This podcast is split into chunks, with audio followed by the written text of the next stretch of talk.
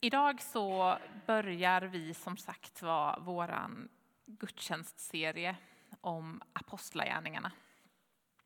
Och man tror att apostlagärningarna eh, har samma författare som eh, Lukas evangeliet. Och de här två böckerna, Lukas evangeliet och apostlagärningarna, ska ses som ett verk kan man säga i två delar. Lukas evangeliet del 1 berättar om Jesu person och gärningar och sedan Apostlagärningarna del 2 om lärjungarnas, framförallt Petrus och Paulus personer och gärningar. Det som jag tänker är ett av apostlagärningarnas främsta syften, det är att visa på att Guds plan för den här världen inte alls sätts på paus eller på något sätt tar slut efter att Jesus har farit upp till himmelen. Istället så ges det här uppdraget att sprida evangeliet om Guds kärlek, om Guds förlåtelse till alla människor vidare. Dels till lärjungarna, de som levde då, men inte bara till dem utan också till oss som lever här idag.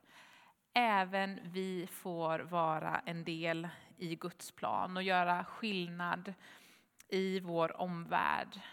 Hjälpa till att sprida Guds kärlek bland människorna som vi möter. Och som ett sätt att hjälpa oss med det här så utrustar Gud oss med sin ande. Det här var en kort, kan man säga, introduktion till apostlagärningarna. Frågan som vi ska fundera över just den här predikan, det är vad får det kosta att följa Jesus? Det var det som Magdalena och jag pratade om i vår intervju. Det var det som Anders och Josefin sjöng om i den här sången. Vad får det kosta egentligen att följa Jesus? Ganska snabbt när man läser Apostlagärningarna så blir det tydligt att för människorna som vi möter på de här sidorna så fick tron på Jesus enorma konsekvenser. Paulus, som den här, var den som talade i den här bibeltexten som Karin läste, han är ett väldigt bra exempel kan man säga på där tron på Jesus fick kosta allt. Efter att Paulus har blivit kristen så spenderar han återstoden av sitt liv med att resa runt länderna kring Medelhavet och predika evangeliet om Jesus.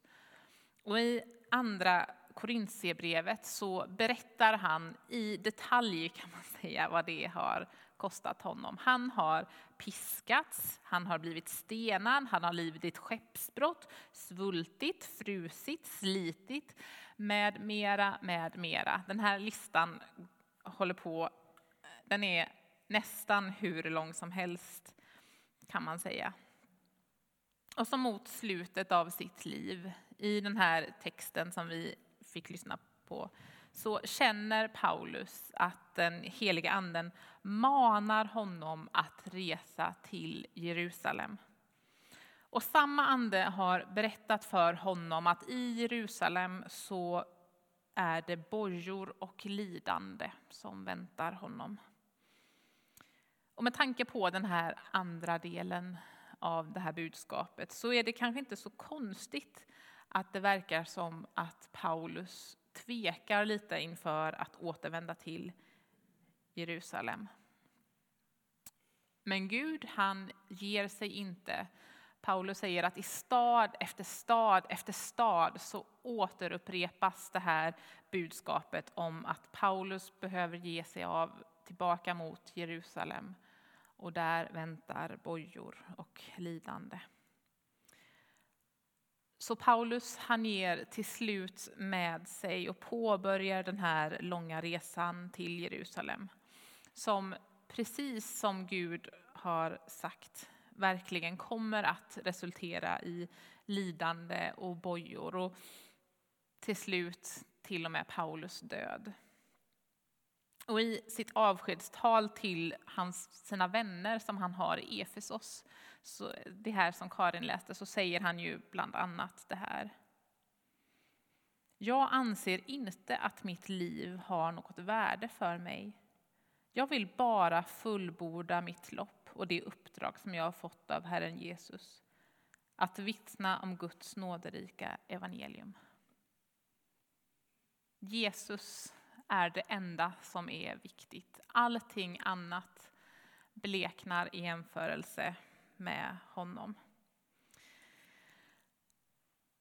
Det är ganska utmanande, de här orden. Och Apostlagärningarna är fullt av såna här ganska, eller till och med väldigt utmanande berättelser om människor som verkligen offrade allt för evangeliet och för Jesus.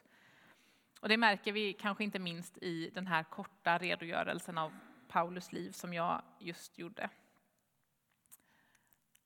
Och då är ju frågan om det där som det står om i apostlagärningarna även gäller oss idag. Vad säger apostlagärningarna egentligen om oss och hur vi borde leva våra liv som kristna? Det är en svår och ganska utmanande fråga och jag kan tänka mig att det väcker alla möjliga sorters känslor inom de av oss som sitter här och lyssnar till den här predikan. Jag kan föreställa mig att några av oss säkert fylls av lite dåligt samvete. Att vi känner att jag gör nog inte tillräckligt. Det jag gör, det är så litet och så obetydligt. Framförallt i jämförelse med det som någon annan gör. Och samtidigt så har man ganska fullt upp, känner sig ganska ofta stressad och så nu liksom utöver allt det som man redan kände lite dåligt samvete över så fick man den här predikan i knät med ännu flera borden, ännu flera måsten. Hur ska man orka? Jag kan tänka mig att andra av oss kanske snarare blir lite provocerande, nästan lite arga. För det finns ju faktiskt annat också som är viktigt i livet. Familj, barn och barnbarn, vänner, det där jobbet som man trivs bra på, hemmet och inte minst olika fritidsintressen. Ska vi bara strunta i allt det? Det gick väl bra för Paulus som levde som ogift hela sitt liv, som inte hade studieskulder eller huslån. Och han kunde väl hålla på så där, men det är ingenting för oss idag. Och sen kanske det finns några av oss som känner oss att vi blir utmanade, inspirerade på ett positivt sätt av de här texterna och de här berättelserna som vi har fått eh, delade med oss idag. Som längtar efter mer av Gud i våra liv. Som inte känner sig främst skrämda eller provocerade utan som liksom tilltalas av det där lite mera radikala och som kan känna att åh, vad jag längtar efter det där i mitt liv.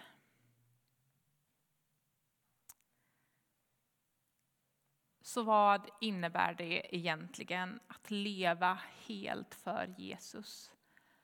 För det är väl det som den här och liknande texter ändå utmanar oss att göra. Att leva helt för Jesus. Jag är ju gift och jag har både studieskulder och huslån. Och bara sådär rent allmänt, en ganska lång lista kan jag känna ibland med sånt där som jag kanske borde eller måste göra. Ganska lite tid över. Jag vill tro att det här att leva helt för Jesus, att det är möjligt även för mig.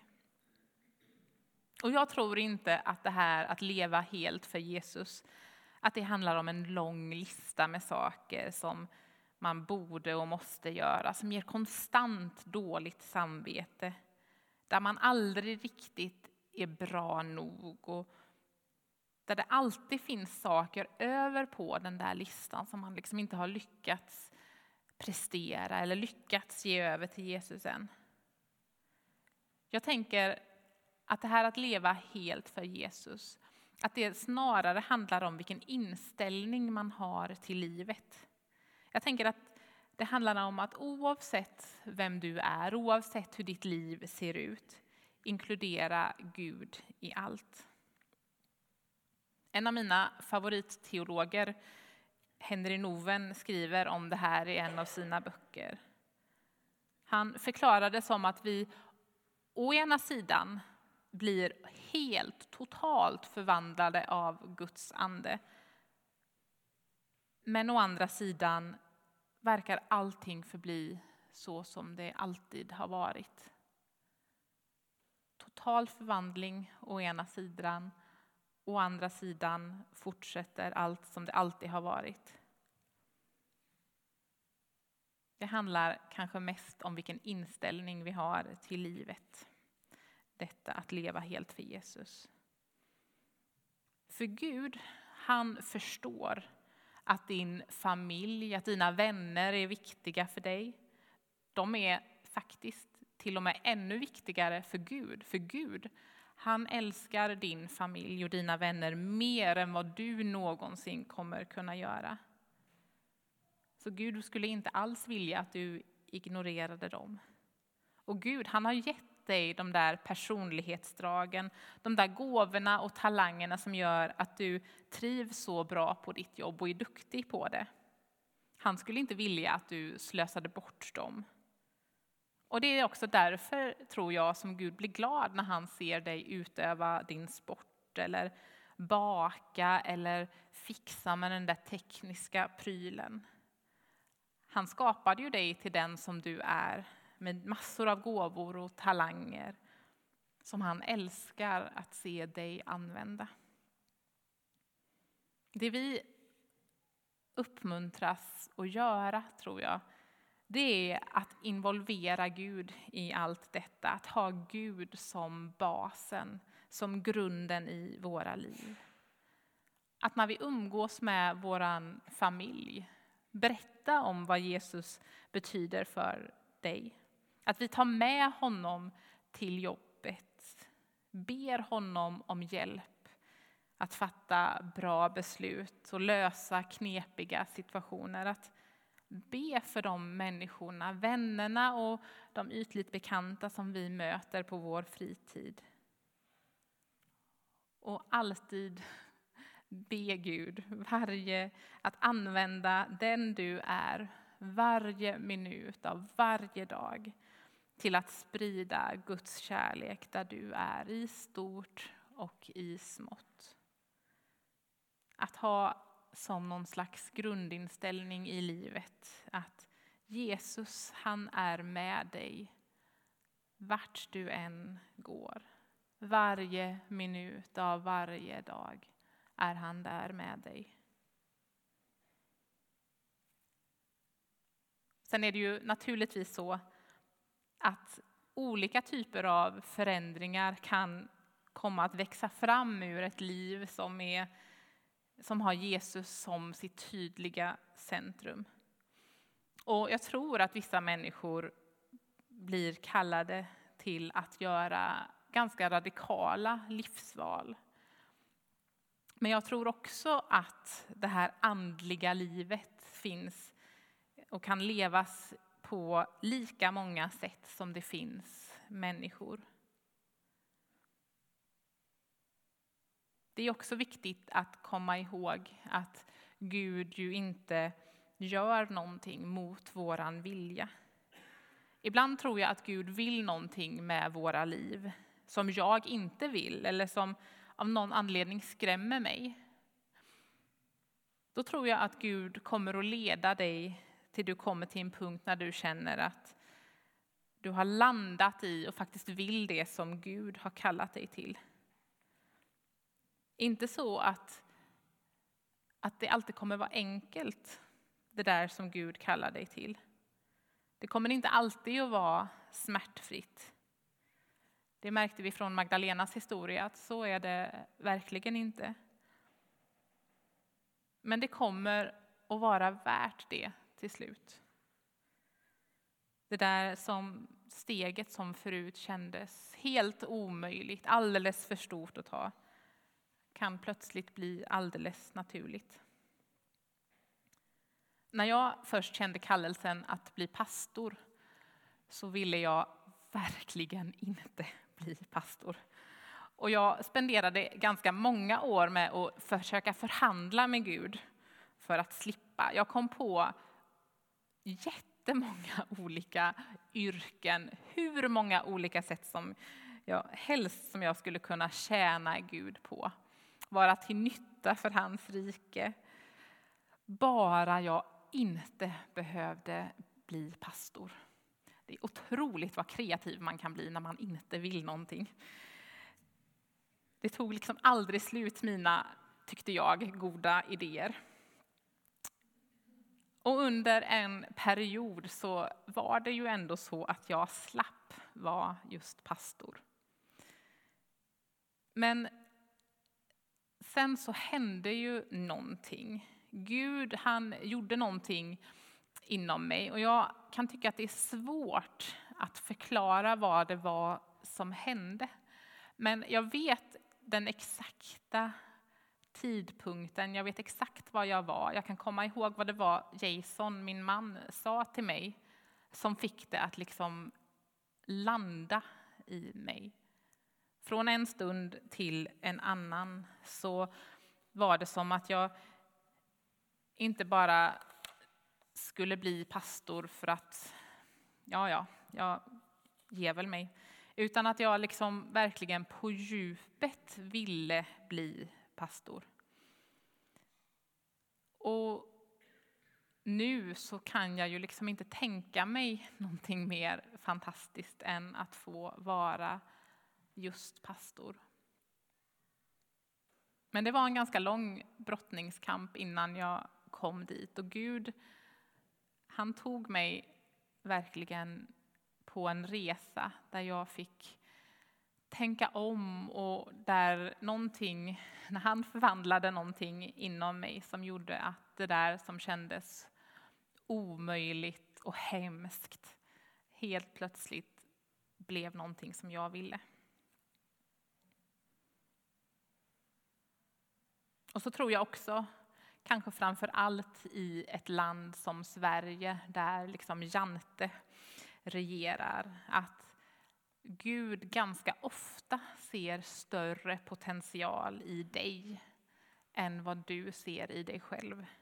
Att Gud, han tror mer om dig än vad du tror om dig själv. Kanske är det så att vi ibland behöver kasta oss ut och lita på att det faktiskt bär. Att när Gud har kallat oss till någonting så hjälper han oss så ser han det där inom oss som vi inte ser, men som finns där och som gör att vi kan klara av den där uppgiften som han har för oss. Det är i alla fall min erfarenhet nu när jag har jobbat som pastor. Att det där som jag inte trodde att jag skulle klara av, det leder Gud mig igenom och det bär han mig igenom. Till sist. Det som man inte får glömma, det är ju att man faktiskt får någonting tillbaka när man ger sitt liv till Jesus. Det handlar inte bara, eller det handlar inte ens främst om en kostnad, även om vi har fokuserat lite på den, den här gudstjänsten. Man får ju faktiskt någonting tillbaka. Det är sant, absolut, att det kostar någonting att leva helt för Jesus. Självklart finns det en prislapp, det gör det på allt i livet, tror jag, som är värt att ha. Men det vi får istället, det är värt så mycket mer. Vetskapen att du aldrig är ensam. För i och med att man involverar Gud i allt så är han ju alltid där med dig. Guds frid, att Gud får omsluta dig. Att hans kärlek får fylla dig och vara med dig. Att få leva i nåd och av nåd varje dag. Vetskapen att någon lyssnar när jag ber. Någon som dessutom har makt att svara på min bön och hjälpa mig genom det där jobbiga, svåra. Och sen inte minst detta att livet får en helt annan mening. För plötsligt så blir jag en del av allsmäktig Guds plan. Tänk vad fantastiskt det är att vi som enkla människor får vara del i Guds plan. Livet får en helt annan mening. Vi ber. Jesus, tack att vi får tro på dig. Tack att vi får ha en relation till dig. Och Jesus, tack att du kallar oss, manar oss ut på det som vi känner är alldeles för djupt vatten ibland. Men tack att där är du, där möter du oss och där bär du oss. Och Jesus, jag vill be för oss som är här på den här gudstjänsten. Jesus, hjälp oss att leva lite mera för dig. Att ha med dig som grunden, som basen, som centrum för våra liv. Att komma ihåg att du finns där med oss, att du vill leda oss och hjälpa oss och älska oss varje minut av varje dag. Herre, ta emot det som är oss. Vi ger, oss, vi ger dig en liten bit till av våra liv. Var med oss och möt oss. Amen.